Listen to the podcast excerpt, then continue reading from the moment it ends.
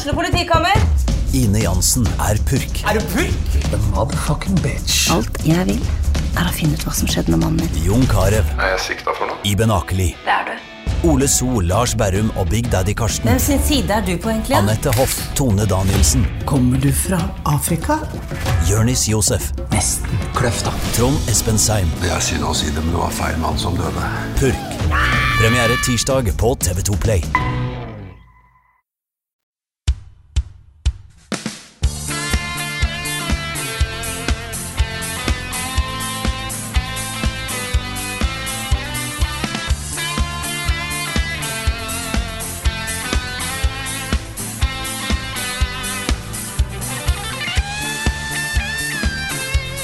Hallo og velkommen til en ny episode av podkasten Level Backup. Podkasten er der du faktisk nå kan høre én episode per dag, og ikke gå tom for innhold på et helt år. Om ikke det er skuddår, da må du vente til neste uke. Ja. Ja. ja, det er sant. Det er sant. Men det er i hvert fall noe. Ja, Er ikke noen av episodene bare på VGTV, eller noe, eller noe sånt? Helt i starten, liksom? Jeg husker ikke helt, det. Jo, og så er det òg noen bonusepisoder innimellom som ikke alltid har telt som episodenummer. Ja, det er også sant. Så Ja, Men dette er liksom episode nummer 365. Det er jo litt kult å markere. Det er jo en del sånne ikke sant? 420 er en. mm, 123, 333 Så det er absolutt eh, Vi har tatt på oss eh, den figurative partyhatten.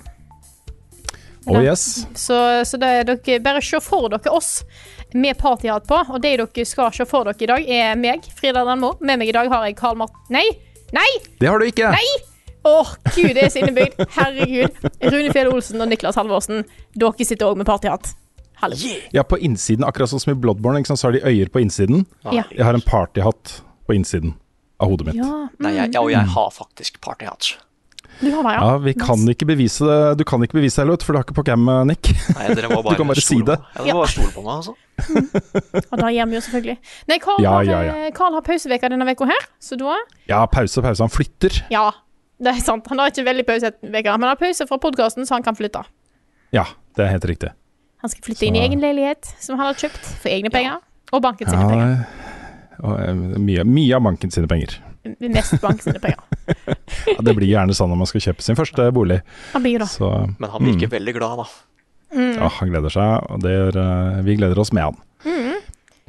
Kan eh, nevne litt sånn eh, news uh, fra Level Up Headquarters. Det ene er jo at uh, denne uka her var jo Svendsens første uke som uh, 50% stilling hos oss. Mhm.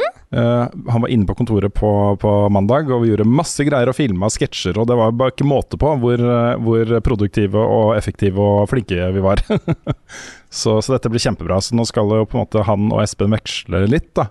Vi, vi har jo fire arbeidsstasjoner, men fem personer som skal være her. Så vi må finne en eller annen plan. Men det, det er godt å få inn Svendsen også. Kjempebra. Så, så, så det eh, vil jo være framover. Mhm. Eh, vi har også, hold dere fast folkens, Ja.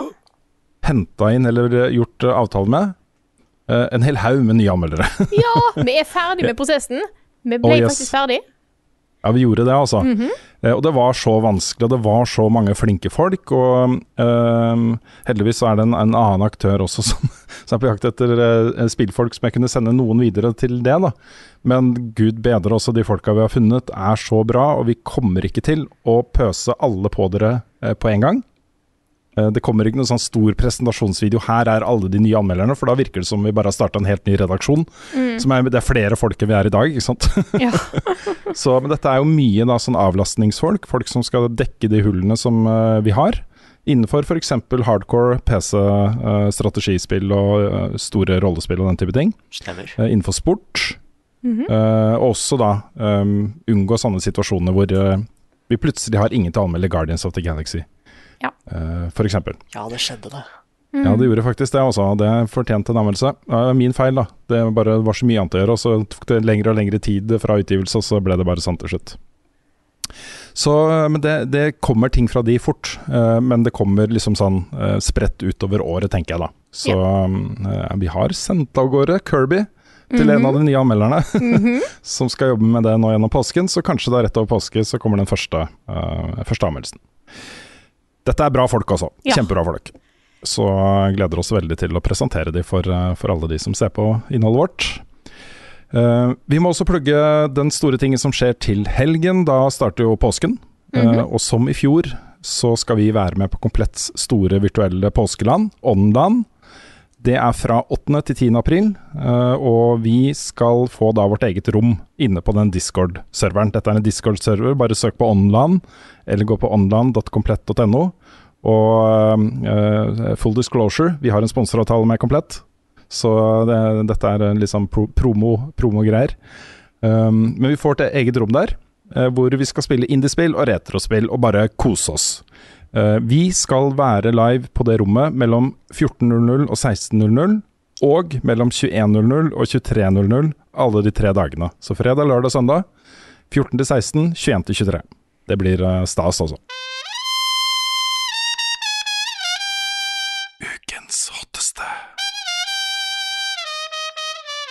Vi starter ukens hotteste med et spørsmål vi har fått inn fra Jakob Skrede Langedal, som skriver da Sonic the Hedgehog 2 spoilercast når? Personlig synes jeg det var en helt fantastisk opplevelse og en svært god måte å adaptere et spill på.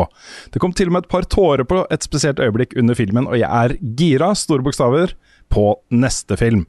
Og du har sett den, Frida. Jeg har sett den. I går, tirsdag, dro jeg på kino alene. Testa det for første gang. Eh, og så Sonic the Hedgehog 2 and Knuckles.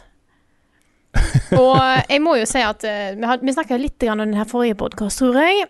Carl nevnte at han hadde sett noe snakk om at det var noen anmeldere som mente at det var, det var for mye Sonic og for lite av disse folkene. Ja, De tar fullstendig feil. Jeg eh, er på det punktet at altså, de folka de har, de har sine moments, og det er, det er gøy når det funker. Resten, det det er mer Sonic. Eh, ikke bare er det mer Sonic på en måte per tid, det er, filmen er mye mer Sonic. Der den forrige filmen uh, kanskje var mer en oppvarming, uh, vil jeg si, å sette på en måte del premisser som en må sette for å kunne ha en sånn historie. Så tar Sonic 2 da virkelig inn i Sonic-universet. Istedenfor å ha den her litt glatte Robotnik som en har i første, spil, nei, første filmen, som ser jo litt sånn hvem, hvem er dette her for en adopsjon? De har gått full pupp. Altså, Jim Carrey ser ut som eh, Robotnik. Han har en crazy mustache. Han har, eh, han har røde og svarte klær.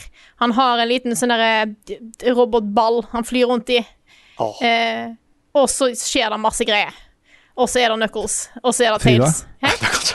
Det det heter adaptasjon. Adaptasjon. Hva sa jeg? Adapsjon. Det er veldig, veldig, veldig, veldig vanskelig å huske det når man snakker. Takk. Takk for at du eh, Takk for den. Jeg så det var, du var veldig ivrig på å få sagt det. Ja, jeg, det, men det, det går fint. Det Ja. går fint. Jeg liker det like godt allikevel. Ja, ja, ja men det er bra. Ja. Nei, jeg syns eh, Jeg er veldig enig med Jakob. Nå har jo jeg snakka litt med Jakob eh, om denne filmen faktisk allerede. Eh, for han sendte meg en melding rett etter han hadde sett den og var veldig gira. Så da sendte jeg han en melding rett etter jeg hadde sett filmen og var veldig gira. Ja. Så, eh, så vi har allerede fått uh, snakka der. Og jeg er helt enig, vi må ha en spoilercast på dette her. Og nå sitter jeg egentlig bare og venter på at Nick og Carl og resten av gjengen skal få sett denne videoen. Eller filmen. ja, jeg skal få sett den, jeg også. Jeg skal ta med ungene og se den uh, så fort som mulig. Ja, fordi Ja, den, den, er, den er faktisk spoilerbull, liksom. Jeg vil nesten si det, ja. Mm. Okay, Det er litt fordi at det er, det er jo um, Det er helt klart at dette er en film som er laga med kjærlighet til Sonic-spillene. Og eh, det var noen unger i salen for meg, og jeg, det virker som at de hadde det veldig gøy på filmen. Men jeg tror nesten jeg hadde det mer gøy, fordi jeg kjenner igjen de tingene de refererer. Ja. Aha. Og Dette da, spillet har jeg spilt. Jeg har spilt dette spillet. Eh, jeg kan se ting når plutselig Sonic gjør en spesiell pose, så kan jeg se 'Å, da er jeg fra der!' Eh, og sånne, sånne type ting.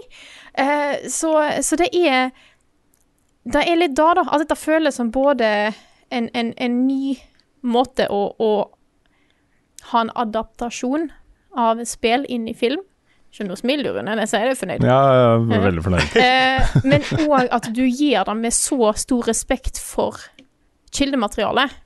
Eh, og eh, Altså, første Sonic-spillene, 1, 2 og 3, det er ikke mye historie der.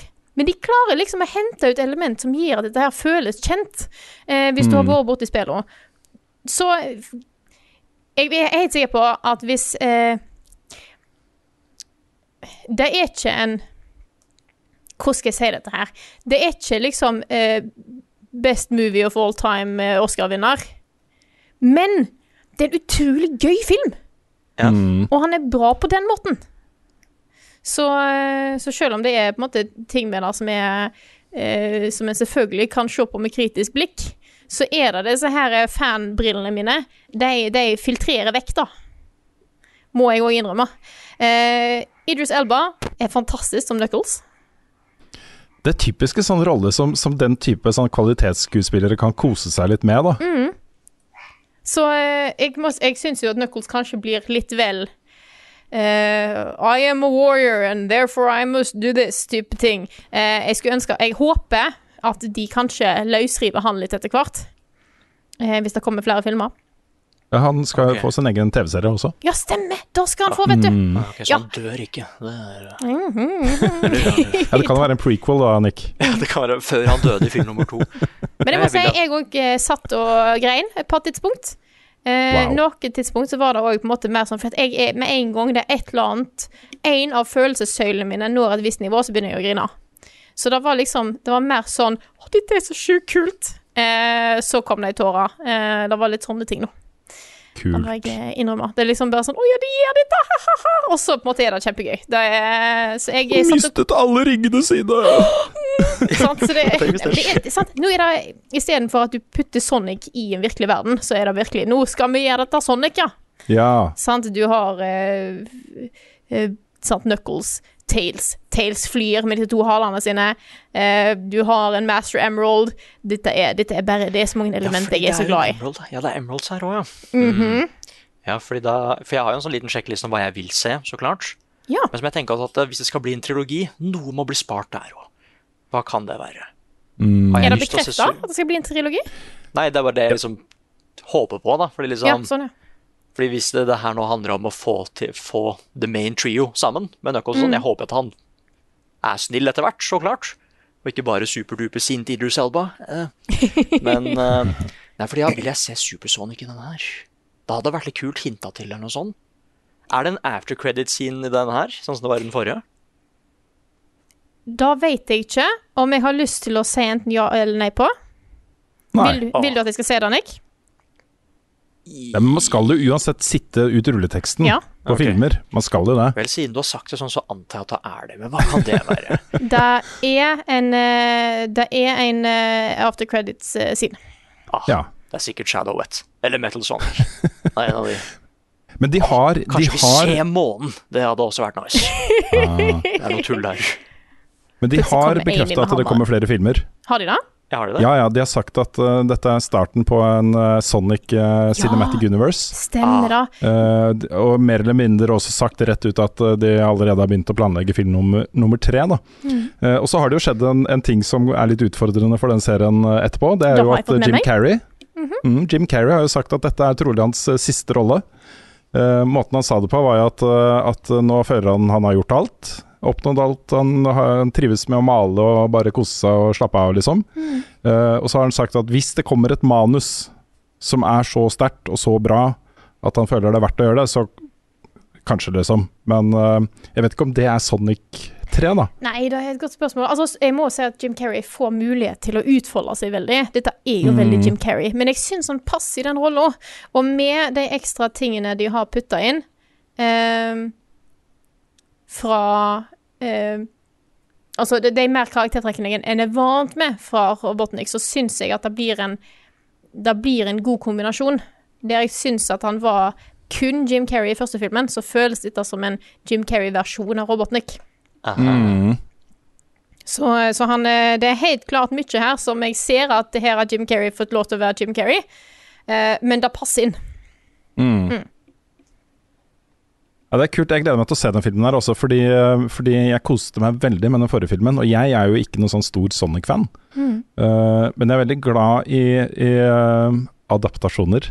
Som tar det på alvor, og som, som gjør det med litt sånn humor og lekenhet og kjærlighet for opphavet, liksom. Uh, da kan det bli ganske bra. Altså, jeg koste meg jo også på uh, World of Warcraft-filmen, f.eks. Ja, for jeg skulle til å si det. Derfor jeg likte den så godt òg. Mm. At de prøvde, faktisk. Ja. Ja, for det er, det er noe med det, altså. Hvis du, hvis du ser dette kommer fra riktig sted, at det sitter noen på teamet, de har på en måte en, forkjærlighet for uh, materialet, så, så, kan det bli ganske gøy å se på, altså. Uh, og så går det jo gærent mange ganger. Det er jo mye ræva som kommer fra den kanten, liksom. Ja. men, uh, men, dette her syns jeg var veldig sånn lekent og bra. Ja, og du, det er akkurat at det, det sitter noen her som vet hva de Hva de jobber med, Mm. rett og slett. Legger jo litt forhåpninger til uh, Super Mario-filmen også, da, kanskje. Mhm, mhm. Når man ser liksom både Detective Pikachu og Sonic-filmene treffer på den måten de gjør, så, så, er det jo på en måte Det er et potensial her da, til å få til ganske kule ting med ting som man kanskje ikke en tror egner seg så godt for film. Hva har du spilt i det siste? Nick, du er jo henta inn her i dag fordi at Carl eh, er å flytte. Men det er ikke bare derfor. Vi hadde nok henta deg inn uansett, for du har jo spilt noe relativt nytt her. Ja, det er helt sant. Jeg ble bare dratt inn i en annen innspilling. Ja. Nei, fra en annen innspilling. ja. ja. Og inn hit. Nei, fordi jeg har jo uh, Det er litt sånn gode og dårlige nyheter her, da. For at uh, vi hadde jo Vi hadde jo lyst til å dekke dette her, nå spoiler jeg hva det er. Uh, dette Tiny Tinas Wonderland. Mm. For jeg er veldig glad i Borderlands-spillene. Spesielt også da DLC-en til Borderlands 2. For der er det en Dungeons and Dragons DLC. Uh, og det var mange som tenkte at dæven, dette her passer så bra til sitt eget spill, og nå har vi fått det. Mm. Der er Tiny Tina sitt spill. Uh, problemet er at vi fikk ikke kode tidlig. Vi fikk kode på dagen det ble lansert, liksom. Så da fikk jeg dessverre ikke prioritert det, eller noe sånt. Uh, så jeg vet ikke om det kommer en anmeldelse, men har lyst til å i hvert fall lage noe på det. Enten en stream eller et eller annet. Men da kan jeg snakke litt om det, da. Fordi Mm. dette, er her er jo, dette er jo Dungeons and Dragons Borderlands. Eh, du kan lage din egen karakter nå. Det er mange morsomme klasser. Jeg valgte da Stabbermancher. Ja. Uh, nei, og det er uh, Igjen, det er veldig kult at det er Borderlands en helt annen setting nå. Uh, for det har jo som regel bare vært science fiction, men nå er det ordentlig high fantasy-setting. Eh, men det skal sies at det også er veldig, veldig Borderlands. Eh, de tuller med det med at det er ikke skytevåpen, men det er bare sånne skikkelig kule crossbow som skyter dritmange piler på en gang. ikke sant? Det er ikke en gunner eller noe sånt, altså. Jeg lover. Eh, Er det Barch det kalles? Ja. Barch. bare liksom Det er en vits om det tidlig, liksom. Bare at det er ikke skytevåpen, men det er jo kanskje det. Ja. uh, nei, og alt det som jeg elsker Det jeg elsker best med Borderlands, er her fortsatt. At det fins mange kule våpen, mange stilige våpentyper du kan ja, spesialisere deg i. Og det aller viktigste er at det fortsatt er weapon manufacturers, liksom. Forskjellige våpenskapere. For det er den Mm. delen jeg liker best. Med at eh, du har både favorittvåpen, men du må også ha en favorittvåpenskaper, ikke sant? Eh, og min er fortsatt med. Flesteparten Ja. av dem er fortsatt med, bare med andre navn, liksom. Nice. Uh, Men Nick, ja. jeg har hørt veldig veldig delte meninger om Wonderlands. Ja. Fra, eh, fra f.eks. nærlandslaget. som de er jo kjempeglade i det spillet. Alle sammen syns det er dødsgøy og akkurat sånn det skal være. Og de var nesten litt fra seg. Jeg var jo sammen med eh, Andreas og Ida i, i helgen på et sangopplegg. Oh. Um, og så har jeg lest et annet sted på internett at, eh, at Tiny Tinas eh, Wonderlands føles som om hele Gearbox bare har gitt opp. Oh, Det er ganske stor spennvidde mellom de to meningene. Da er det. Nei, for jeg har ikke spilt det supermye. Mm. Uh, men jeg føler at det som kan redde det her, er Fordi det er jo veldig Det er jo fortsatt veldig Borderlands, bare et annet skin, liksom. Mm. Men det som er make it or break it, er at uh, grunnen til at den DLC-en var så bra, er fordi humoren var så spot on. Manuset var så kruttsterkt, liksom. Mm. Og at et helt spill nå skal gå inn i det, kan være vanskelig å få til. da. I hvert fall i lengden. Så jeg håper, at, jeg håper at de får til humoren. Så langt så liker jeg det veldig godt. Men uh, jeg tror også det bare er den greia at det, det føles fortsatt veldig likt ut som Borderlands 3. Som ikke er et dårlig spill, men jeg hadde nok håpa på en litt større forandring her. Mm. Siden det er så svære fantasy-elementer. da. Du har jo litt mer fokus på melee weapons, og granater er jo nå spells, og det er veldig kult, men det er fortsatt bare masse guns. Sånn masse skikkelig dritmange guns. Eh, dreper masse våpen, dreper masse våpen, si. Du dreper ja. det òg, med masse fiender, og får flere, flere guns, bedre loot. Så jeg kan jo si at eh, jeg tror folk kanskje er litt sånn lei. Fordi det har holdt seg ganske likt lenge nå. Um, men nei, jeg er, bare, jeg er bare spent på historien. Og igjen, jeg håper manuset er bra. Fordi konseptet i seg selv er så morsomt. Bare det er så mange sånne inside og meta-jokes du kan gjøre med Dungeons and Dragons-konseptet, da. Um, det at du skal Men jeg fje... har- sorry. Jeg jeg har ikke spilt uh, DLC-en, eller dette spillet. Eh, men jeg husker jo fra Fable 3 Det beste, aller beste med Fable 3 var jo det brettet hvor du plutselig havner på brettet til noen som sitter og spiller Dungeons and Dragons. Um, det var ordentlig, ordentlig morsomt. da Det kan hende at det var der Tiny Tinas, den første DLC-en, kom fra også. Ja. For det, var, det er en del fellestrekk der. Uh, men det er helt sant, det ligger så mye potensial for humor der. Ja, liksom bare i Det er sånne vitser som at det bare ja, Dere gikk inn i en mørk hule og kunne ikke se noen ting. Hva gjorde dere? Jeg skjøt mørket. Ja. Hvis, jeg da, hvis jeg da får en high roll, bare jeg antar at du kan skyte bort mørket, og da blir mørket en fiende som du kan skyte bort. Ja. Eller at du skal finne en og fjerne hans plot armor, for han klarer ikke å dø, eller noe sånt. Mange sånne morsomme ting du kan gjøre der, da. Mm. Eh, nei, og den siste tingen, da, som jeg har venta på veldig lenge, er at du kan slå sammen klasser. At det liksom, det er, eh, Som regel så er det bare fire klasser for hvert spill, men eh, i hvert fall på lansering. Men her er det litt flere, og det er fordi du kan merge klassene sammen. Eh, som jeg ikke har fått testa så veldig mye av ennå. Men der tror jeg også det kan være mye potensial. altså. Uh, bare lage din perfect class til din spillestil. Mm. Men igjen, jeg tror bare det er historien som er det Det kan være sånt uh, Det er der det står på, da. Eller vipper for meg. Jeg håper de får det til. Så, Kula skuespillere, da. Ja, det er mange Med Will. Arnett og greier. Mm. Nei, så ja, det Ellers så har jeg gått litt tilbake til Bloodborne etter Elden Ring. Jeg er ferdig med Elden Ring nå. Ja, Jeg mener det, det spillet vi ikke skal nevne. Eh, ja sånn var det. Ja, Jeg er ferdig med det. Og så er bare at jeg, kan gå, jeg har lyst til å gå tilbake til de andre spillene som ligner litt på det. Så da gikk jeg tilbake til Bloodborne. Nå skal jeg endelig prøve å slåss med dette sverdet som alle bruker. Ja Har du, du har fortsatt ikke tatt DLC-en i Bloodborne? Jeg har tatt den nå, da. Du har det, ja? Eh, Ja, jeg har det. Den var bra, forresten. Ja, den er eh, pretty good. Det er kanskje den delen jeg likte best av Bloodborne. er den DLC-en. Ja, det var derfor jeg var så overrasket at du ikke hadde spilt den eh, DLC-en, så det er derfor jeg eh, måtte sjekke Nei, den. nei, det var egentlig bare Jeg har ikke Vanligvis så har jeg ikke sett på det som en essensiell del av the experience, bare at jeg får mer av spillet, liksom. Men så kom Dark Souls 3 DLC-en, og bare Oi, dette er jo faktisk helt Helt insane bra. Og Dark Souls 1 og 3. Ja, og liksom Da måtte jeg gå tilbake til Bloodborne nå, for jeg hørte at der var det noen tøffe fights. Mm -hmm. det. Spesielt den siste er helt, uh, helt sjuk. Den er helt eh, tull, faktisk. He helt tull, men veldig, veldig kul. Nei, så ja, nå skal jeg gå med sverd. Svært sverd. Åh, nice. Jeg, tok- ja, jeg tok ikke det sist, siden jeg føler at alle tar det, ikke sant. Men nå, skal jeg, nå kan jeg prøve å være litt der, jeg òg. Jeg har ikke prøvd det, si, eh, det store sverdet. Jeg har kun brukt Sawcleaver. Du brukte bare Soulcleaver, ja. Mm. Nice. Men det store sverdet har jo samme posisjon i Bloodborne som eh, Bloodhounds Fang har i eh, Elden Ring. Ja. Det er liksom, Hvis du først begynner å bruke Bloodhounds Fang i Elden Ring, så er det vanskelig å bruke noe annet, altså. Ja. Med den uh, weapon-arten og alt den har, liksom. Mm. Bleed og greier. Ok. Yes. Men du, jeg bare nevner en Bloodborne-ting som jeg så på nettet. Fordi folk driver jo, det er jo Jeg vet ikke hvor lovlig det er, men folk driver jo og modder Bloodborne. Ja. Um, jeg så det noen som har lagd en mod nå hvor alle fiendene er Gearman.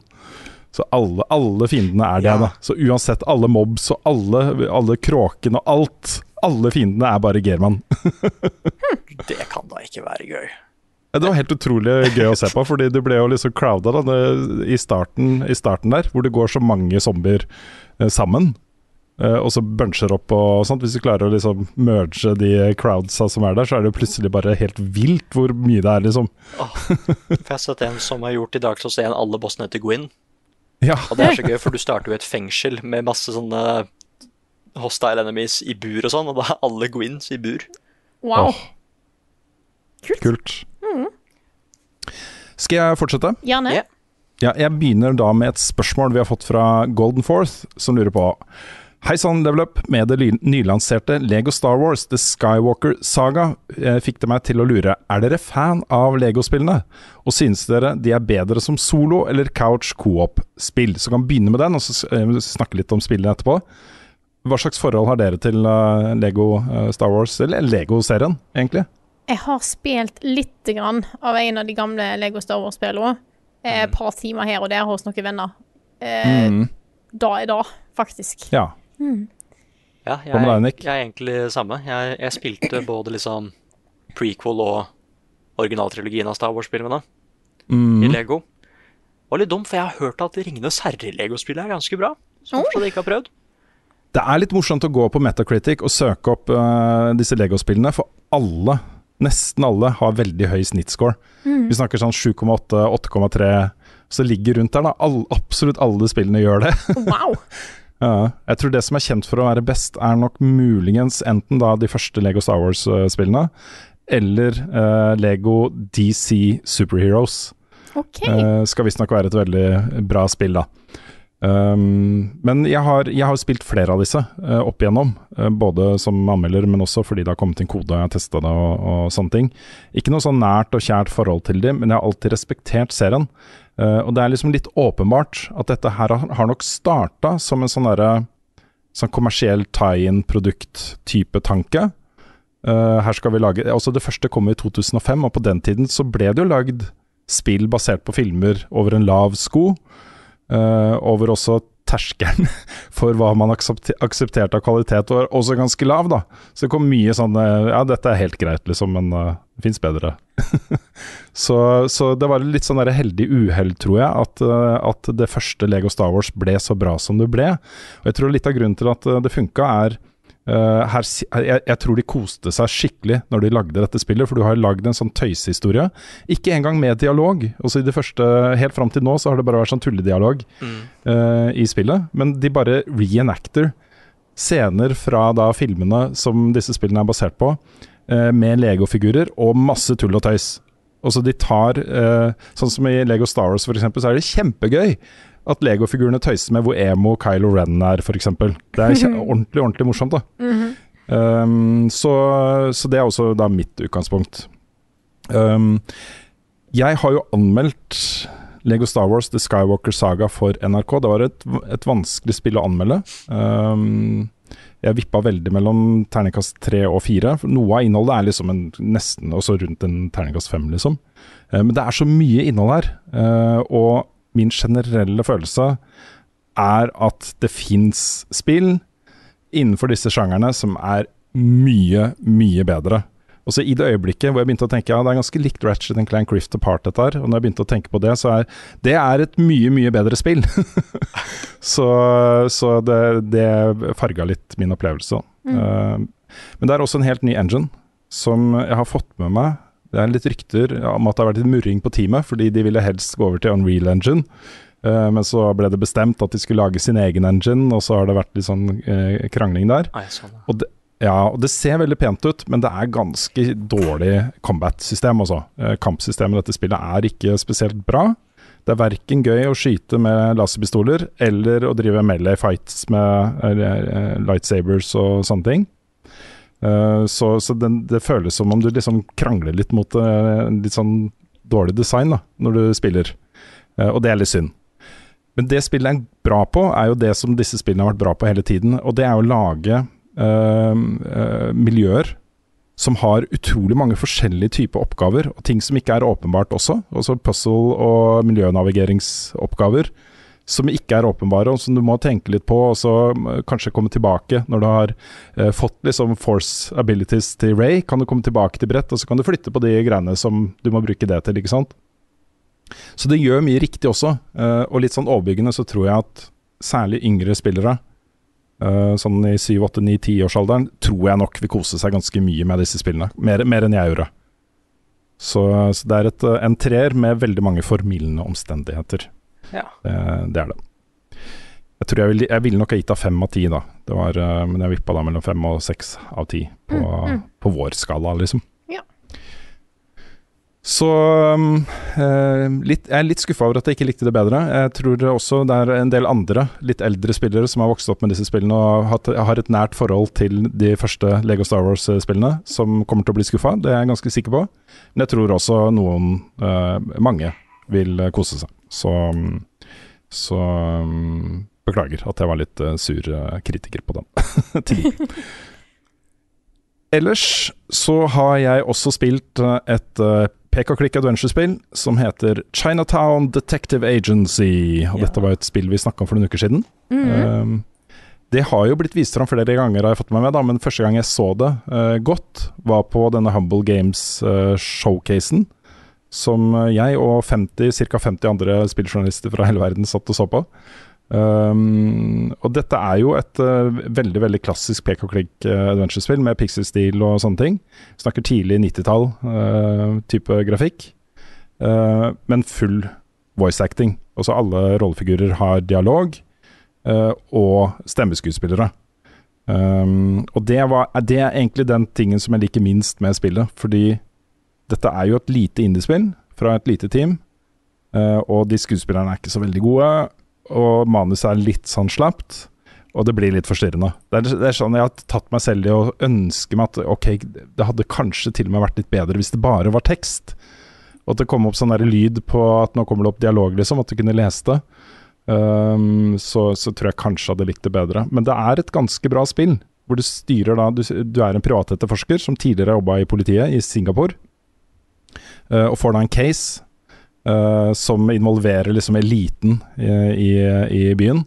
Du skal finne, uh, finne en person som er forsvunnet. Uh, det begynner å vokse fram en sånn stor conspiracy som du skal avdekke og den type ting. Uh, og det gjør det da ved å kode og dekode sånn encrypta beskjeder, ved å løse enkle puzzles. Det er mye sånn derre match to symboler. Du har et, uh, masse sånne symboler, og så skal du finne de to som ligner hverandre. Og hvis ikke du klarer det, uh, på, uh, for hver gang du feiler, da, så får du en sånn Ja, uansett. Det er, det er liksom enkle puzzles, men fortsatt du sitter og tenker litt og, og sånne ting, da. Så sitter med en kaffekopp og Sånn som man skal da med peke og klikk adventure puzzle-spill, liksom. Så um, jeg liker det ganske godt. Uh, ikke ferdig med det, men, uh, men hvis du er fan av pek og klikk, så, så er det noe her. Jeg syns det er gøy at det fortsatt lages spill, og det er mulig at vi kommer tilbake til akkurat det i nyhetsspalten også. Uh, så det har jeg spilt. Og så uh, hadde vi jo vår første stream her fra kontoret på mandag. Ja. Mm. Mm. Da hadde vi jo en, hatt en full dag med både spilluka og sketsjene til, uh, til Carl Sammels av, av uh, Stranger Final Fantasy Paradise? Origin. Ja, Stranger of Paradise. Uh, og og Patron Q&A hadde vi hatt, og så satte vi oss ned og streama da Svendsen meg. Duell i Returnal. Hvem kommer seg gjennom akt 1 først? Uh, og Vi hadde en del tekniske problemer, og ingen av oss klarte å komme oss gjennom akt 1 først. uh, vi uh, vi stoppa på boss nummer to, begge to. Men vi har bestemt oss for å fortsette, og så vi skal gjøre det igjen en annen gang. Kanskje med litt bedre setup og sånne ting, for vi satt jo og spilte i Elgato-vindu med litt sånn input lag og sånne ting. Det var litt ubehagelig, altså. Ja, mm, det kan jeg forstå. Så nå, har jeg, nå er jeg midt i et uh, nytt run. Jeg er ikke ferdig med det ennå, men nå kan du suspende cyclen, så jeg har gjort det. Jeg har tatt de to første bossene. Jeg driver og øver. Jeg driver og øver til Svendsen jeg skal gjøre det igjen. så det er også videoen som ligger bak her, da. Uh, og det, målet er jo uh, da komme gjennom akt igjen, de tre første bossene, så fort som mulig. Eh, og siden vi ikke er noen eh, godt etablerte speedrunnere, så må vi liksom stoppe opp og hente litt helse items og farme litt uh, currency og, og sånne ting også, da. Så det går ikke så fort. Ja, men det er lov, Men det er gøy, da. Det er kjempegøy. Jeg syns det var veldig spennende. Ja, bare det at man har At det er noe på spill. Så man konkurrerer i det. Det, det tilførte et lag til Returnal-opplevelsen som jeg likte innmari godt. da Ja, og så var det Så den at uh, det er jo det er jo randomized. Mm. Med mindre du faktisk klarer å ikke dø på starten. Der er det en fast rute. Men ellers er det liksom Det var spennende å se hvilke rom du og Svendsen fikk, da. Hvem Mm. som hadde mest uflaks, og hvem som hadde mest flaks. Og, og så var det litt kult med at selv om du plutselig var lengst historiemessig, så kan det jo hende at Svendsen hadde gått en annen rute som kunne ta deg igjen på andre måter, ikke sant? Ja. Ja, bare en sånn ting som at Svendsen fant et våpen med masse bonus damage. Ja. Og jeg hadde et våpen som ikke hadde noe bonus damage i det hele tatt. så, og det er faktisk en sånn ting i det spillet at hvis du sier du har uh, bonus damage på fem, da, uh, så gjør du fem ganger mer damage enn om du ikke har bonus damage i det hele tatt. Så ting går jo mye kjappere på bossene og sånt, da. Mm. Så, um, men jeg oppdaga en ting oh. som jeg skal gjøre i det runnet, og det er å ikke plukke opp Hollow Seeker. Bare sånn at alle våpnene jeg får er en carbine. Fordi den siste bossen, den tredje bossen uh, Holoseeker er dødsdårlig på den bossen. Det er, det er, du er for langt unna, så den gjør, det er sånn damage drop-off på den som gjør at du nesten ikke gjør damage. Mens Carbine har mye, mye lengre damage drop-off. Så uh, hvis du ikke plukker opp den, ikke skanner den eller noen ting, liksom, så får du flere Carbines. Som en av de er sikkert bra. Ja, det er det du gjør neste gang, ikke sant? Du later Ja, som det at det er en fresh save. Men så Ja. bare Oi, har du sett? Jeg fant visst en dreadbound. Ja, så det veldig Jeg trodde den bare var i akt to, men det, det var den her òg. Ja. Utfordringen der da, er at du får jo en del abilities etter hvert, liksom. Eh, Da vil jeg jo ha de abilitiesene hvis jeg har klart å få Dreadbound og har en sånn save. Ja. Så ja. Da, da, jeg tror til og med da er, Den er jo under vann, den, er den ikke det? Å ja, det er den kanskje. Ja. Plutselig så kan jeg gå under vann. Det er litt, litt avslørende. Nei, jeg holdt på å si du glitcha deg gjennom, ikke sant. Mye trening. Nei. Men da har jeg lyst til å bare ta en siste ting til slutt, hvis det er greit? Ja. Japp, japp, japp. For jeg innser at jeg har jo eh, siden sist har jeg ikke spilt eh, Jeg har ikke spilt ett eller to. Jeg innser at jeg har spilt veldig masse spill. Fordi jeg var jo forrige torsdag Det var vel torsdag, ja. Så var jo jeg på Norwegian Game Awards.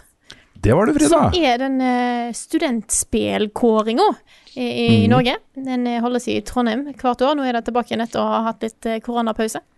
Så jeg har fått testa masse kule spill. Eh, det var 42 spill påmeldte, så jeg rakk jo ikke gjennom alle. Langt ifra. Men det var mye kult der. Så stilig å se hva det er som, som er å røre seg i studentutviklermiljøer rundt omkring i Norge. Dette er fremtiden, vet du. Mm, mhm. Jeg husker jeg var jo på en sånn Jeg var med dommer på en studentkonkurranse på Høgskolen i Hamar. Ja. Uh, og Der har de Hamar Game Collective, og flere av de beste norske selskapene starta jo der. Uh, og et av de spillene som var med der, var jo et uh, spill jeg tror det het Dudefish. Og det var han Aasan, han som har lagd Ja. Hellheim Hassel og, og de tingene der. Mm, Så um, Så jeg kan òg nevne at vinneren der, eh, som vant Game of the Year, der, var Broken Banners. Da ute på Steam. Det var et eh, blanding av Tower Defense og Auto Battler. Denne er jo kjempebra. Ukens anbefaling. All is well in the world, for Rune har en TV-serieanbefaling. ja, jeg slenger med en nikk på den også nå, da, for vi har funnet ut at vi har sett den begge to. Eh, men nå har jo TV-verden har jo fått eh, litt den samme utfordringen som spillverden har fått. Det har kommet noe nå, da, i starten av året, som anmelderne allerede sier at dette er årets beste TV-serie. Ja, er det lov, altså? ja, det er tydeligvis. Tydeligvis. uh, men dette er en serie som har toppscore overalt, uh, og den heter Pachinko. Pachinko. Den er på Apple TV Pluss, basert på en bok. Og dette er en sånn generasjonsroman, Uh, fiksjon, da, som tar for seg en familie uh, over et langt tidsspenn. Så det starter, altså historien starter i 1915, uh, og så uh, veksler den mellom det, eh, den tidsperioden og 1989. Mhm. I hvert fall de, de første episodene. Det er mulig at det går enda litt lenger fram i tid eh, etter hvert, da, det vet vi ikke. To, ikke sant, 2080. Men Dette er jo også mye av de samme personene, uh, hvor, uh, hvor uh, eh, personer du møter da i 1915 fortsatt er i live, og en del av plottet i 1989. Mm. Så, mm, eh, men grunnen, da grunnen til, Vi har snakka mens du bytta rom, Frida, for det har du gjort nå. Eh, og hvorfor vi liker den så godt. Og det er jo en utrolig solid historiefortelling her. Også de, de grepene som blir gjort, måten historien fortelles på, er veldig, veldig sterk. Eh, og så er også temaet eh, Dette her er jo Det er litt sånn eh, Sør-Korea som, som tar, over, tar over verden med populærkultur. Jeg tror det er liksom et, blitt et marked da, for historier fra Korea og Japan. Og i dette tilfellet så er det begge deler. Men dette følger jo da en, en koreansk familie som da um, Mens da Korea er okkupert av Japan i perioden før andre verdenskrig. Eh, og så blir det jo en del linker, da, fordi den familien ender opp med å flytte til Japan, til Osaka.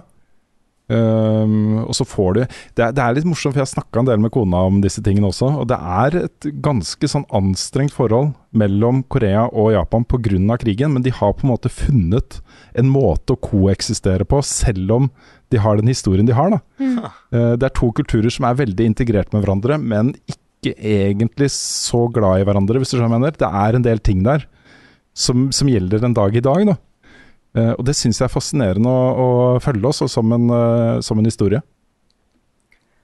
Yeah. Og så er det jeg eh, For jeg visste ikke at den skulle hoppe fram i tid.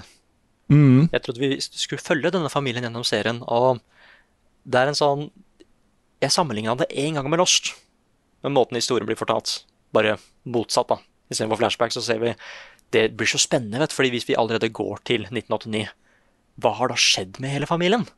Mm. Og folka de har møtt på, og det er eh, Nei, jeg, igjen, jeg pleier, jeg pleier å være veldig skeptisk på serier som er litt for nærme virkeligheten, fordi jeg liker at ting skal være litt uh, overnaturlig og sånn. Men den Mm. her er kjempespennende. Ja, og så er den, spennende, den er jo spennende på, på en dramamåten, liksom. Det er, ikke, også, det er noen mysterier som vi ikke helt vet eh, ennå. Mm. Uh, det er fire episoder som er ute nå. Jeg har sett tre av de i ett jafs. Jeg skulle se en episode, og så ble det litt for sent. Uh, men jeg så tre, da. Eh, klarte ikke å la være. Så det er jo en del mysterier, men det er jo sånne type dramamysterier Mm. som, som er sånn mellommenneskelig, da. Og jeg tror at altså, forfatter Dette er basert på en bok av en da eh, Manhattan-basert eh, journalist som heter Min Jin Lee. eh, som utforsker på en måte kultur ehm, Altså blandinger av kulturer. eh, hvor eh, eh, også USA, fordi eh, hovedpersonen på en måte i nåtiden Han har jo flytta til USA og blitt en sånn hotshot i en bank jobber med store sånne mergers og acquisitions og sånne ting, er på vei, skikkelig på vei opp. da. Um, så det er det også. Også det er den der blandingen av kulturer hvor det er motsetninger, og det er uh, forhistorie som, og mye grums. da. Hvordan klarer de kulturene å koeksistere uh, på, en, på en god måte, da. Mm. Jeg er veldig glad Så- i kontraster. I hvert fall når Ja, det kommer til sånne historier som det der. Mm, De er så tydelige òg. Det er derfor jeg ble så glad i Parasite. Av akkurat samme grunn. mm. Altså, den er kjempe, kjempebra. Jeg likte også en detalj fra jeg tror det er tredje episoden, hvor, uh, hvor de møter en, uh, en sånn big shot, eh, japansk big shot. Og det første han spør om, er hvilken blodtype har du? Og det er en ting, da, i, i Japan. Eh, De legger veldig stor vekt på blodtype og tillegger eh, de forskjellige blodtypene eh, menneskelige egenskaper, og det er veldig reelt, altså. Oi. Det er kjempe, kjempesentralt. Så han blir jo da dømt for å være en Var det en, en drømmer, var det det han sa han var? Jeg husker ikke helt. Fordi han hadde blodtype null, eller hva det var. Så det, tror jeg, ja. det også syns jeg var litt morsomt. Kanskje jeg er en drømmer. Ja, det kan hende. Det kan hende. Trodde det var O, jeg, da. Men da, da kan du se hvor feil jeg hadde tatt. Mm. Jeg visste ikke at det var en ting. Ja, det er en ting. Det er en ting.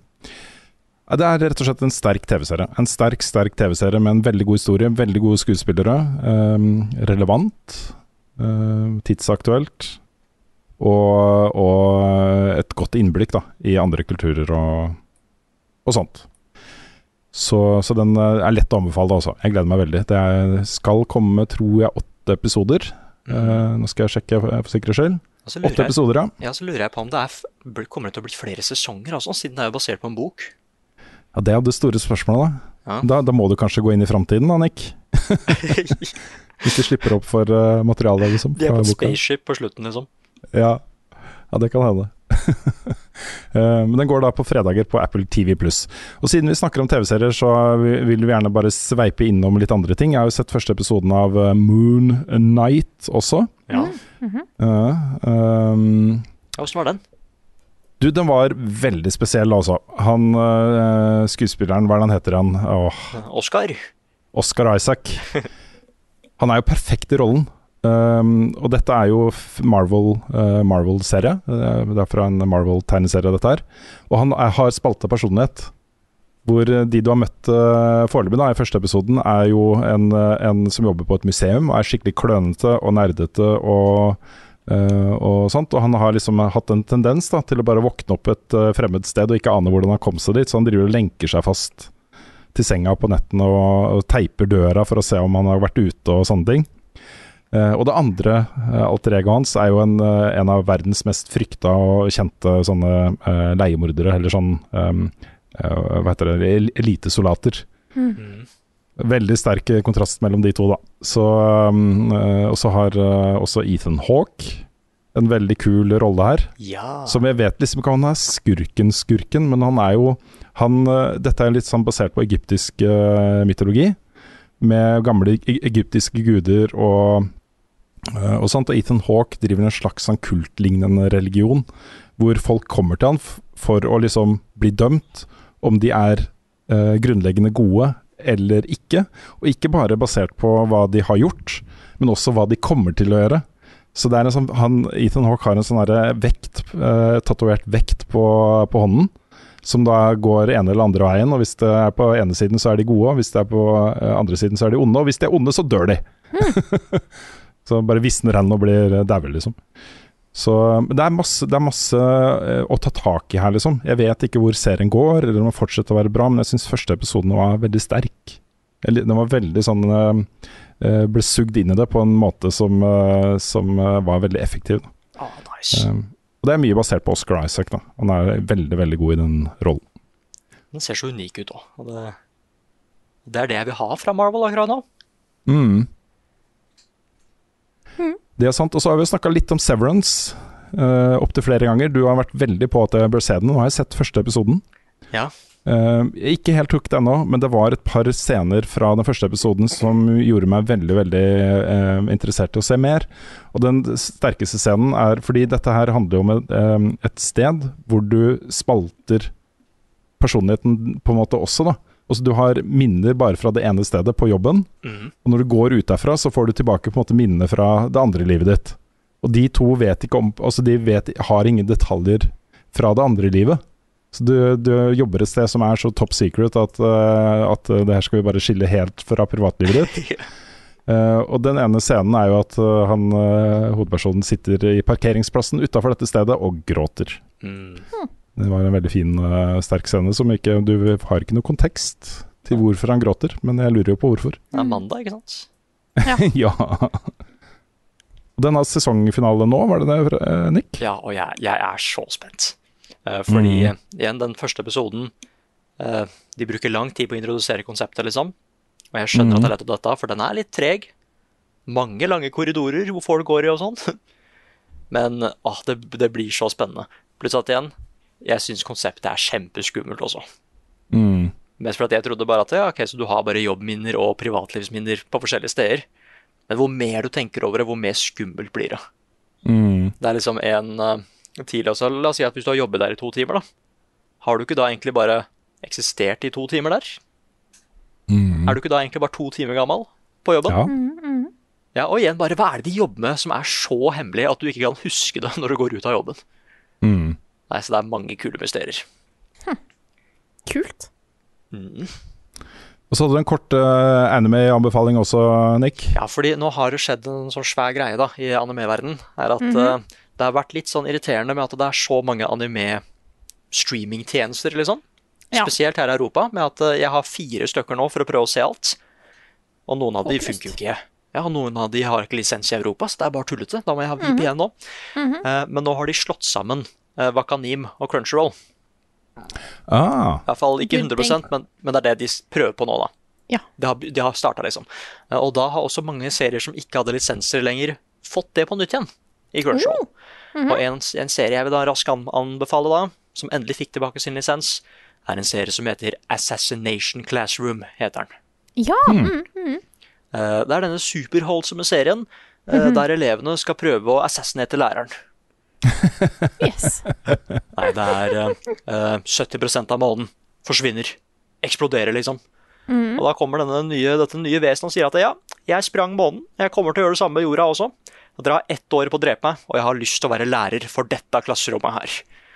Og da Åh, sier, det er så herlig bankers. Ja, det er jo helt galskap. ja, og han er jo en sånn, et sånt guddommelig vesen, liksom. Og da sier liksom staten at eh, OK, fader, han er for powerful. Vi kan egentlig ikke gjøre noe annet enn å bare si ja. Fordi hvis vi sier nei, så bare stikker han av og kommer tilbake om et år og sprenger jorda. Ja. Da sier, så da sier de til elevene at ok, han skal være læreren deres, men vi skal trene dere opp, så kanskje dere klarer å assassinate han òg, og få en pengepremie. ja. Og det er en av de mest holdsomme seriene jeg har sett. Wow.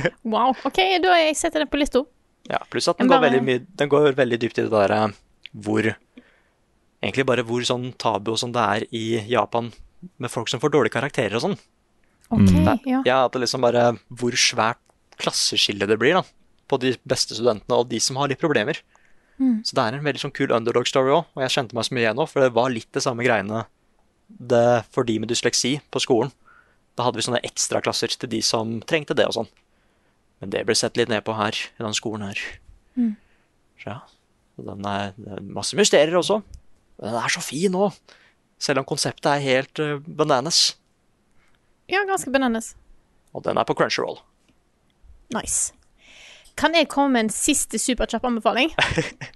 Ja, altså Det hadde jo vært litt rart å si nei til det, Ja. nå som vi bare sitter og lirer av oss den ene etter den andre. Jeg vil anbefale ei nettside. Eh, en ressurs, rett og slett. Den heter ordbokene.no. Eh, der finner du både nynorsk og bokmål ordbok på nett, med alle bøyninger og forklaring og eksempel på bruk av ord, som gjør at du veldig lett kan åpne opp og søke opp f.eks. adaptasjon. Eh, og finne ut at adaptasjon, ja, det da er et ord, men den, den linker nemlig til det der står betydning og bruk. Adapsjon.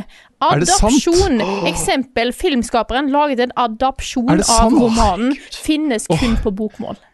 Livet mitt er en løgn! Play it yourself! Eller finnes det på nynorsk òg? Nei, det finnes på nynorsk òg. Så jeg, jeg sier dette her nå, eh, Rune. Dette er Beklager, altså. Beklager. Nå ble jeg veldig eh, satt i skamme, skammekroken her. Jeg har blitt korrigert så mange ganger for andre podder, skjønner du, så jeg bare trodde det var eh, sånn det var. Ja, men nå kan du faktisk Du kan eh, finne fram Nei, se her. Det står faktisk i ordbøkene eh, tilpasning til en annen form eller uttrykksmiddel. Wow.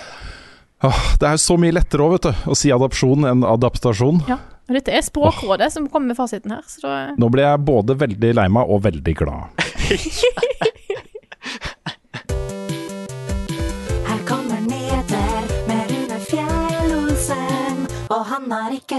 ikke. Jeg skal prøve å riste av meg denne litt sånn flaue følelsen av å, å ja, Uh, grammar nazi uh, shutdown, rett og slett. Shutdown. Eh, og presentere eh, noen ferske nyheter. Og vi må begynne med det som skjedde på lørdag, eh, nemlig Spillprisen. Hvor eh, du har sittet i juryen, Frida. Hvordan var det? det var veldig, veldig gøy. Det, det jo eh, Det var jo derfor jeg eh, Jeg kunne ikke si hva jeg var opptatt med tidligere i vinter, vet du. Nei, det skal jo være hemmelig, det. Ikke sant? For ellers så begynner jo alle disse norske spillstudioene å sende deg med dyre gaver og penger og, Yes. og sånt. Mm. Nei, det Mm. var veldig, veldig gøy. Um, jeg fikk jo testa Testa disse spillene som var nominert, og det var veldig veldig mye bra som jeg ikke hadde fått testa ennå. Mm. Så, eh, så fantastisk eh, gøy å få sitte på den sida av, en- av en sånn utdeling. Det har jeg ikke gjort før. Mm. Mm. Nei, det er, altså, grunnen til at jeg er veldig glad i spillprisen, er fordi de har så gode juryer. Og det ene er jo da eh, De har eh, tre priser som en pressejury kårer. Og da er det representanter fra oss, fra Gamer, Pressfire, um, Spillbart, um, Nerdelandslaget. Og så vi som driver med spillformidling, da. Og det er, vi står helt fritt til å velge vinnere. Det er ikke noe trykk, liksom, fra noen. det er bare velg det dere syns er best. Have fun. Eh, og så er det fagjurypriser fra, med da utviklere, som kårer mer sånn beste teknologi og, og den type ting. Jeg syns det er en fin måte å dele det opp på. Det er, um, eh, det er en seriøs pris med hjertet på riktig sted. Og i år da så var det jo Klang 2. Klang 2 ble både årets spill og årets spill for liten skjerm. Uh, og så syns jeg var kjempehyggelig. Uh, Ja. Enig. Jeg er enig. Så, så det var gøy. Det var også, dette ble, skjedde jo på Eldorado. Det var kjempegøy å se Tom Ivar komme opp og hente først den ene prisen for liten skjerm, kjempeglad, og så den eh, andre prisen for uh, årets spill uansett skjerm. Som en soloutvikler. Han lager dette her uh, mer eller mindre selv, men han trekker jo da fram Blind, musikeren Blind, som uh, har lagd musikk, da. Eh, som selvfølgelig er viktig her. Ellers så fikk jeg også Sunlight eh, to priser fra Krillbite. Eh, både eh, beste visuelle uttrykk og beste lyd. Eh, jeg syns også begge de to var veldig fortjente. Mm. Bonkis fikk to priser for beste moro for alle og beste spilldesign. Det er et Og- spill jeg vil eh, anbefale å teste ut hvis du er interessert i et festlig multiplayerspill. Eh, Mm. Som er lett å plukke opp for alle. Absolutt. Couch co-op. Mm. Mm. Og så fikk jo også Dwarfheim en pris, og det var jo kveldens store eh, sånn eh, litt sånn triste, eh, melankolske øyeblikk også. Fordi det Pineleaf Studios eksisterer jo ikke lenger, de måtte legge ned. Det gikk ikke bra nok med Dwarfheim, men de fikk jo da en pris for beste teknologi. Eh, og det var gøy å se dem på scenen, og se de bli hedra eh, for dette her. Og vi kommer forhåpentligvis da til å se disse folkene i andre sammenhenger etter hvert. Eh, men det var trist at ikke Dwarfheim gikk bedre, for det er også et bra spill. Mm. Så gratulerer da til alle vinnerne, og så gleder jeg meg til neste år. Uh, og nye, nye priser. Det er en sånn fint, uh, eh, fin markering av hvor norsk uh, spillbransje er akkurat per nå, liksom. Ja. Så, så det er veldig bra. Og Så starter jeg neste nye sak med et spørsmål vi har fått fra Håvard Jacobsen Reigstad, Okay. som spør da Hvor hyped er dere for et nytt Monkey Island-spill? Og hvor realistisk tror dere eh, at eh, det blir et godt resultat, med tanke på at Ron Gilbert og Dave Grossman er med? Og nyheten er jo da selvfølgelig at eh, det kommer et spill som heter Return to Monkey Island. Det skal komme ut i løpet av året. Og det fortsetter historien fra det andre Monkey Island-spillet. Så det er Monkey Island 1 og 2. Og så kommer da liksom dette spillet med Guybrush Threepwood i hovedrollen og alt dette her. Um, og det, det som Håvard skriver er sant. Uh, Ron Gilbert er med. Uh, Dave Grossman uh, er med, tror jeg. jeg ikke, jo, det er han. Det er han. Han er også med. Tim Shafer foreløpig ikke med, men jeg så han skrev på Twitter 'This is amazing! Woo!' så får vi se, da, om kanskje de klarer å hente han inn også. Mhm. Eh, men dette har jo vært en sånn ting som fans av den serien har uh, håpa på etter at, at Disney kjøpte opp Lucas Arts. Um, så, så dette blir jo da et samarbeid mellom Terrible Toybox, som er eh, studio til eh, Ron Gilbert, uh, Lucasfilm Games, som er da eid av Disney, og Devolver Digital, som er publisher av dette spillet her. Ja. Og for å svare på spørsmålet hans uh, om hvor realistisk det er å håpe på at dette blir bra, så har jeg ganske høye forventninger nå også. Og det er jo litt sånn Det er jo lenge siden disse spillene var uh, ute. Det har skjedd mye siden den gang. Men Ron Gilbert har jo lagd ting i det siste som er veldig bra. Han var uh, en director på The Cave i 2013 uh, hos eh, Double Fine. Uh, og han var også director og skaper av Thimbleweed Park i 2017, som også er et klassisk eh, adventure-spill. Mm. Så dette er en fyr som fortsatt har det i seg, liksom. Um, så dette kan bli kjempebra. så, så jeg gleder meg. Um, vil også nevne at eh, Dominic Armato også uh, kommer tilbake med stemmen til Guy Guybrush. Så dette er, det, her blir, det er gode følelser all around. Også. Dette er jo en serie jeg er fryktelig glad i, så, så jeg krysser jo alt jeg har av fingre for at uh, også dette blir bra, da. Det er også veldig gøy at, uh, at Ron Gilbert la ut en melding her på 1. april. Da er veldig gøy, faktisk. Herlig også. Mer øh, comeback for gamle øh, elskede serier. Crystal Dynamics har øh, avduket, eller annonsert, at de har startet, det er helt i startprosessen, med å lage et nytt Tomb Raider-spill. Eh, og at det skal være da i Unreal Engine 5. Oi.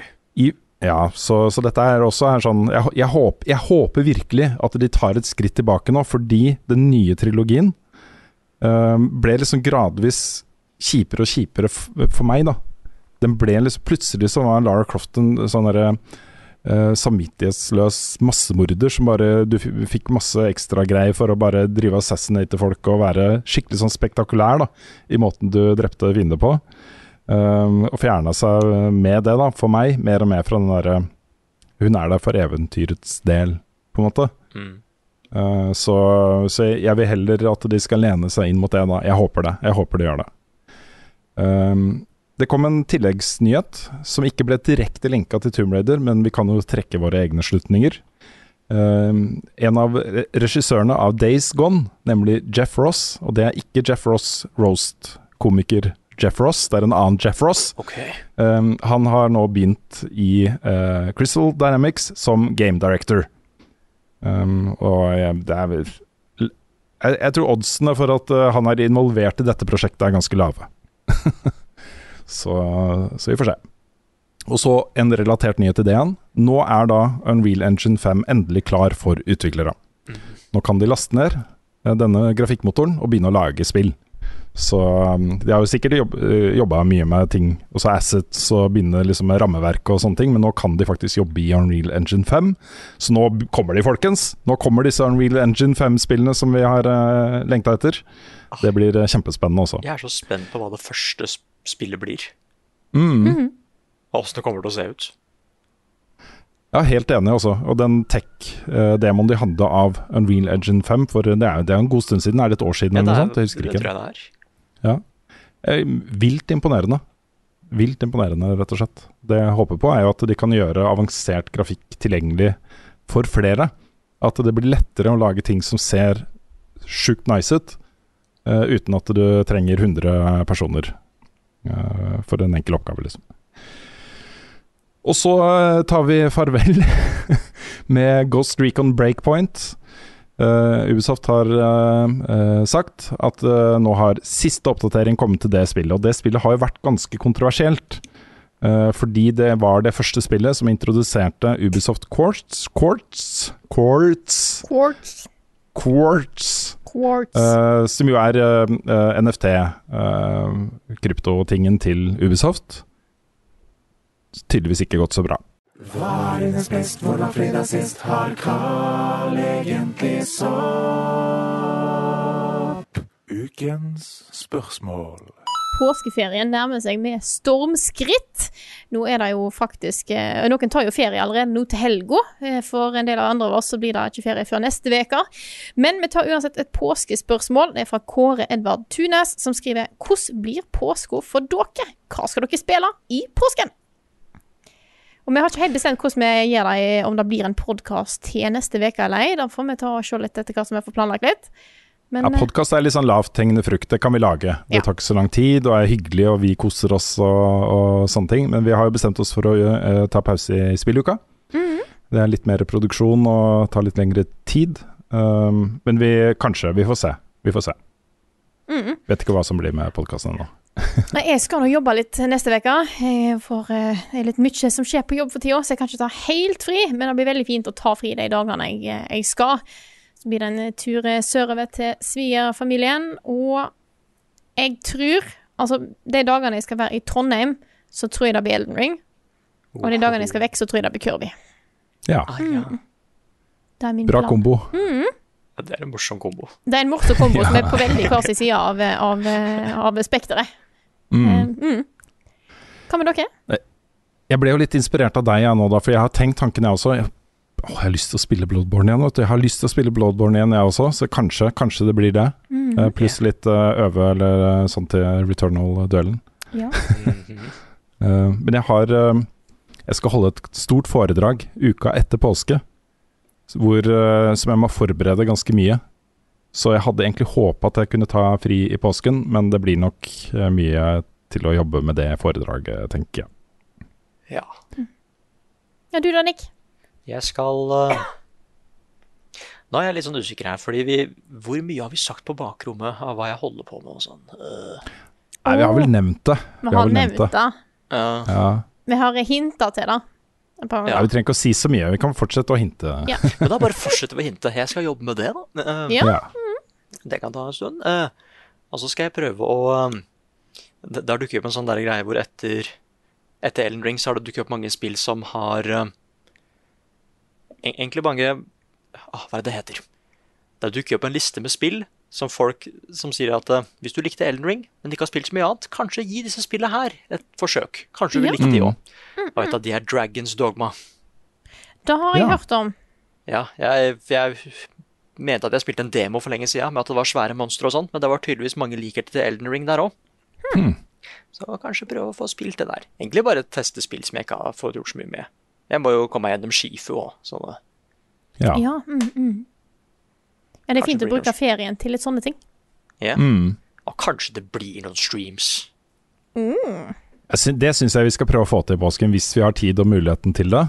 Ja. Det er en perfekt anledning til å kjøre litt uh, streams. Mhm. Absolutt. Jeg kan jo nevne at vi dukker opp uh, på TG-streamen også. Eh, jeg vet ikke helt hvem av oss. Det blir i hvert fall meg, men kanskje meg og Carl. Um, eller meg og deg, Frida, hvis du har tid. Nei, det har du sikkert ikke.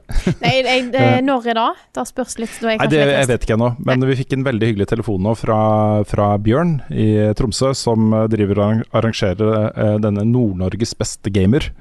Som gjør et flott, flott flott konsept som samler familier og er veldig sånn lavterskel. Hvor man vet jo ikke hvilke spill det er før man møter opp på konkurransen. Og så så skal gøy. man da ikke sant, være best eh, fra et stort spekter av forskjellige typer spill. da. Ja, ja. Eh, nå utvider de. Nå er det Norges beste gamer, så de skal til Oslo, de skal til Bergen, de skal liksom på alle disse stedene.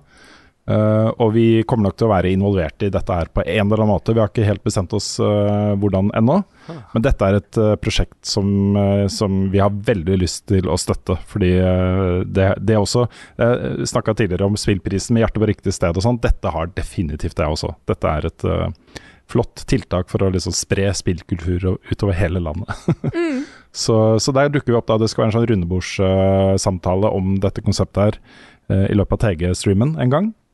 Eh, og der eh, dukker vi opp, da. Kult. Yes, men skal vi ta et spørsmål til? Har dere et Har du skrevet opp et, Rune? Jeg har det. Et fra Markus Sten Steen, som spør dilemma. Hva ville dere trivdes best med? Minus 15 grader i en måned, eller pluss 30 grader med sol i en måned? Da spørs hvor jeg er. Ja. Ja, Hvis jeg er innendørs, minus 15. Jo, men jeg, tror, jeg lurer på om det er på en måte Det det er jo ikke meningen at du skal ute hele tiden, men tenk da at du må være ute omtrent like mye i disse to periodene. Mm. Det er ikke lov å bare være inne, liksom. Jeg tror jeg går for minus 15. Ja. Fordi det kan jeg bare kle på meg. Og da klarer jeg. Mm. Ja. Men når det blir 30, så er det på en måte Det er varmt og kjipt uansett hvor du er. Det er helt sant. Det er Om ikke sant. du er ved sjøen, da blir du solbrent. Det, det, ja, det, det Ja. For 30, da er det sånn smerteterskel for meg. Da, da bikker det over i for mye. Mm. Ja, jeg blir litt grinte hvis det er eh, for varmt. Jeg blir ikke grinte hvis det er for kaldt. Jeg, jeg, jeg liker ikke å gå ute når det er minus 15, liksom. Mm. Og kjenne den der kulden komme gjennom og inn på huden og sånne ting. Jeg syns da blir jeg litt sånn øh. Mm. Men uh, på, når det er 30 pluss, jeg går og uansett hva jeg gjør, så begynner jeg å svette og plages. Så uh, blir jeg litt sur. så jeg tror jeg går for kulden, jeg også. Åh, jeg har litt, det er mange spørsmål her, fordi det kommer veldig an på når dette skjer. Eh, Hvis det skjer i en ferie, og hvis det ikke påvirker dyra her, så hadde jeg tatt den varmen. Mm. Ja. Fordi, fordi altså jo, det, det kommer jo til å bli helt krise den første uka. Men det er også et eller annet med at hvis det skjer i en ferie, og du bare ligger der og det er skikkelig skikkelig varmt og ser på et eller annet, eller noe sånt, jeg tror jeg kunne blitt vant til det etter hvert. Mens den andre er litt mer slitsom. Og så spørs det helt hvor hen det er. Hvis det er liksom her i Norge, så blir det, det blir en annen type varmt. Er det i Ja. Syden, så blir det Er det det det er fuktigere, eller er det det tørrere? Nå ble jeg litt forvirra her. Men i hvert fall, da, da, luftfuktighet har noe å si på dette her. Mm. Ja, jeg tenker liksom at, og jeg håper at dette er en sånn hvor som ikke påvirker så mange andre folk og sånn. For jeg, antar at hvis det da er 30 varmegrader, så er det fint vær. Da kunne man vært mye ute, og det hadde gitt meg en god grunn til å gå mange turer. og det, Kanskje jeg hadde tatt varmen. Ja. Jeg ser eh, eh, måtte, Hvis jeg, jeg ikke vet noe mer rundt eh, the circumstances, så går jeg for kulda. Men i noen tilfeller så ville jeg tatt varmen. Mm. Ja, Kommer an på om jeg har ferie eller ikke. Det er egentlig Yes. det viktigste. Har du et spørsmål, Nick? Ja, fordi eh, det er fra skal vi se, eh, Stian Eriksen på Patreon, som sier Hei sann, kan ikke huske at dere har snakka noe spesielt om Ringenes herre. Er dere fans, og hva er tankene slash hypenivået om serien som er på vei? Ja, for jeg elsker Ringenes herre. ja, samme her. Veldig glad i de Også- filmene. Det er lenge siden jeg har sett de filmene nå, men det er også Jeg har eh, jeg innså bare for ganske kort tid siden at uh, den første filmen har jeg sett sånn type ti ganger. den andre har jeg sett en tre-fire. Mens den tredje filmen har jeg bare sett én gang. Oi! Oi, what? Wow. Det er litt rart. For jeg har liksom Jeg så de opp igjen, ikke sant. Når det kom en ny film, så så jeg opp igjen de forrige. Uh, og så kom den siste, og så har jeg jo Jeg har jo kjøpt eh, Kjøpt den tre ganger. Jeg, eh, jeg tror til og med jeg har kjøpt Kan det hende at jeg har, hadde noe av dette på VHS? Mm. Wow. Mm, de kom jo akkurat akkurat i overgangsfasen det. Ja, men nå har jeg også kjøpt da den eh, UHD-versjonen av Ringenes herre, Extended Edition. så nå går jeg egentlig bare og venter på at jeg skal klare å motivere ungene til Mm. å være med. Fordi uh, de, det, de er ikke så fans av konseptet uh, film på tre og en halv time ennå. Nei? Men, eh, men eh, jeg har lyst til å se det med de. Jeg tror de hadde digga det. Mm, kan dele det opp, da. Ja, Ja. kan dele det opp. Mm. Det går an. Seks filmer. Mm. Nei, jeg, jeg er fan også. Jeg har lest bøkene også. Eh, jeg syns det er kjempebra. Eh, men uh, hypenivået mitt har nok avtatt litt, altså. Fra hvor det var for en stund siden. Ja, sånn, da. Ja, jeg er ikke så eh, Jeg er ikke så hype på TV-seriene. Ikke fordi at jeg ikke tror de blir bra, det er bare at jeg har så mye andre ting som jeg akkurat nå prioriterer over. Eh, rett og slett. Mm. Åh, mens jeg bare elsker Ringenes herre. It's so good. Jeg ser, Ja, jo, jeg ser jo den originale trilogien en gang hvert år. Og du gjør det, ja? Ja, men det er fordi pappa er også skikkelig, skikkelig fan. Oh. Eh, og da er vi som regel samla, jeg og broren min og pappa og sånn, og da ser vi på Ringenes herre. Eh, så jeg har sett de mange ganger. Og så er jeg sånn eh, Jeg skiller det veldig godt, da. Med at liksom filmene og spilla, blant annet, og ting og tang, det er sine egne greier. Samme med Hobbiten òg. Hobbiten er Jeg liker Hobbiten, men det er ikke helt Ringenes herre. Det er en sånn annen Nei. greie, liksom. Eh, men ellers så er jeg, jeg er veldig spent på serien, da. Det skal ta sted i en veldig sånn spesiell tidsperiode i Ringenes herre. Som er veldig, veldig spennende. Der skjedde det masse crazy greier. Eh, og så er det bare gøy å få mer i Ringenes herre. Mm. Det er fortsatt et univers som jeg liker veldig godt og vil vite mer om. og sånn. Det kommer et spill i år også som uh, Som uh, om Åh Gollum. Gollum. Sorry. Ja. Pokker, altså. Sånn stealth-spill. Ja. Det også har litt potensial, også. ja, fordi det er, også, det er mer basert på bøkene, har de sagt. Mm. ja. Og det er spennende, for jeg, jeg Alt jeg har sett av Ringenes herre, stammer jo bare fra filmene, liksom. Mm. Så jeg er spent på hva det er. Mm. Og så må jeg også si at jeg, jeg, jeg er jo veldig glad i filmene. Eh, fantastisk soundtrack, må jeg jo si. Men jeg har òg veldig respekt for de filmene, for hva de har gjort for fantasy i populærmedia i etterkant. Ja, er Eh, for de åpner jo noe ekstremt svære dører. Mm. Eh, og du, du ser at dette her er Her gikk de all in, og da har, eh, har vist seg å være en, eh, en god idé, vil jeg si. Mm. Så jeg har veldig, veldig respekt for filmene i den sammenhengen òg. Mm. Ja, det er helt sant også. Det er uh, veldig bra for Mm. øh, alle som er opptatt av nerdegreier. Mm. Ja. Jeg, husker det så godt, den Oscar-utdelingen til den tredje filmen. Mm. Åh, det var magisk. Pluss at han sa at det var a clean swipe. Den vant alt den var nominert til, liksom. Og Ja. det er ikke lov å si i Oscar-utdelingen, for det skjer ikke. Nei. Du har ikke til å si et clean swipe, for det skal ikke skje. Men så Nei. skjedde det sjøl med Ringenes herre. Ja. Nei, det, Ja, det er ganske tullete. det var stas.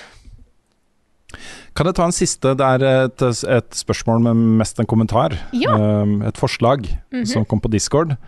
Hvor da Darkseeds uh, SM skriver uh, Level Up, kan dere lage uh, Bloodbjørn-lignende opplegg, men med Elden Ring en gang i framtida? Og så svarer Sir Ender uh, Nå har han vel runda det fem ganger alt, men Elden Rune har en god klang. klang. så uh, ja. Men hvis vi gjør det, så tror jeg ikke det blir med noen av oss. For nå spiller jo alle, hele redaksjonen spiller det, så vi må finne noen som ikke har spilt det før. Ja. Uh, og så spille sammen med de, er på en måte, det måtte vi gjort da, hvis vi skulle gjort det. Men jeg tror nok det ville komme andre ting på Elden Ring fra oss. Det er fare for det. Det var, jeg, jeg så jo du holdt deg litt tilbake igjen der på, på hva du prøvde å si. Men det var Ja, mer sånn, på en eh, måte, hvor mye kan, altså, Ikke at vi har planlagt noe, men mer sånn Det har kommet og kommer ting, definitivt. ja, I hvert fall en spoilercast. I hvert fall en spoilercast. Det må skje snart nå, altså. Ja, det må skje Ja. snart. må Snart så eh, snur det, vet du. Så hater vi det alle sammen, og så er vi ikke like gira lenger. Og så. Ja, Vi får lage det før det, ja. Ja. Åh, nei, men Da tror jeg vi runder denne episoden av podkasten her. Dette er podkasten Level Backup, utgitt av moderne media. Låten i introen og outroen er skrevet av Ole Sønnik Larsen og arrangert og fremført av Kyoshu Orkestra. Vignettene er laget av fantastiske Martin Herfjord. Du finner mye mer innhold fra oss på youtube.com slash levelupnord. Der finnes det masse, masse nye anmeldelser, så gå og sjekk ut dem hvis ikke du har gjort det. Jeg gjorde yeah. det ennå. Eh, og gå inn på twitch.tv slash levelupnord. Der det også opptak fra tidligere streams, som for eksempel Returnal Retournament-duellen eh, Yep. til, til, til Rune og Svendsen. Og følg oss der hvis du vil eh, få med deg når vi går live. Eh, og hopp gjerne inn i discorden vår, discord.com slash levelupnorge. Der skjer det mye hyggelige ting og mye hyggelige diskusjoner. Og så får du òg Discord.gg, er det ikke det? Discord.gg. Hva var det jeg sa? .com. Oi, da var det feil. Discord.gg. Skal du slå opp i ordboka? eh, Jeg tror jeg må gjøre det. Der står det faktisk eh, tydelig at det er GG eh, spesifikt. Ja. Mm. Jeg har ikke lagt det ligge, altså. Discord.gg slash levelupnorge. Eh, der får du òg varsler når vi legger ut nye videoer, og når vi går live på Twitch. Så der får du på en måte en full pakke, faktisk. Det er helt sant. Der legger vi òg ut beskjeder når vi vet vi har planlagt streams eller andre events. Så, mm. så der får du eh, all informasjonen du trenger. Når Facebook ikke alltid har lyst til å vise informasjonen til alle. Så sånn er det, er det bare blitt. Og Oh, yes. vi har ei ny T-skjorte i shoppen vår. Gjett om vi har. Den må plugges. Det var eh, du som spurte meg eh, kom, eh, hva skal til for at vi kan få noe ut i shoppen. Og da sa jeg gjennomsiktig PNG-fil. Og nå har vi eh, T-skjorta og genserne og babybodyen I'd rather be playing Elden Ring. Så du kan vise verden eh, når som helst når du er på jobb eller whatever, at egentlig så er det bare én ting du vil, det er å dra hjem og spille Elden Ring. Det, jeg har lyst til å poste den her på, på Redditen til Elden Ring, men det er jo, jeg kan jo ikke, for det er jo sånn reklame. Men hvis noen som uh, hører på nå, er på subredditen til Elden Ring, Uh, gjerne tips, tips om den kule T-skjorta, for det, jeg tror den har internasjonalt potensial. Wow. Jeg kjenner mange, det, det har solgt ganske bra. Uh, jeg har kompiser som har kjøpt den. Ja. Uh, den, den fanger en følelse som jeg tror eh, mange deler. Eh, og støtt oss også gjerne på Patreon Patreon.com slash levelup. Der er det Norge. Yep. Yes. Eh, for å la oss fortsette med, med verdens beste jobb, som dette her faktisk er. Så eh, tusen, tusen takk til alle dere som støtter oss allerede, uansett hva beløp dere legger på. Eh, er, dere, er, dere er de beste folka, rett og slett.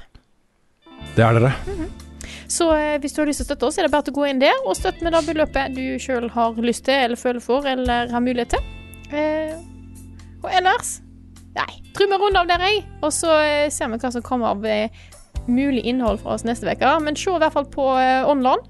Komplett sin, sin online for å få med litt retro og indie-spill fra oss. Mhm. Og så snakkes vi igjen neste uke. Kanskje.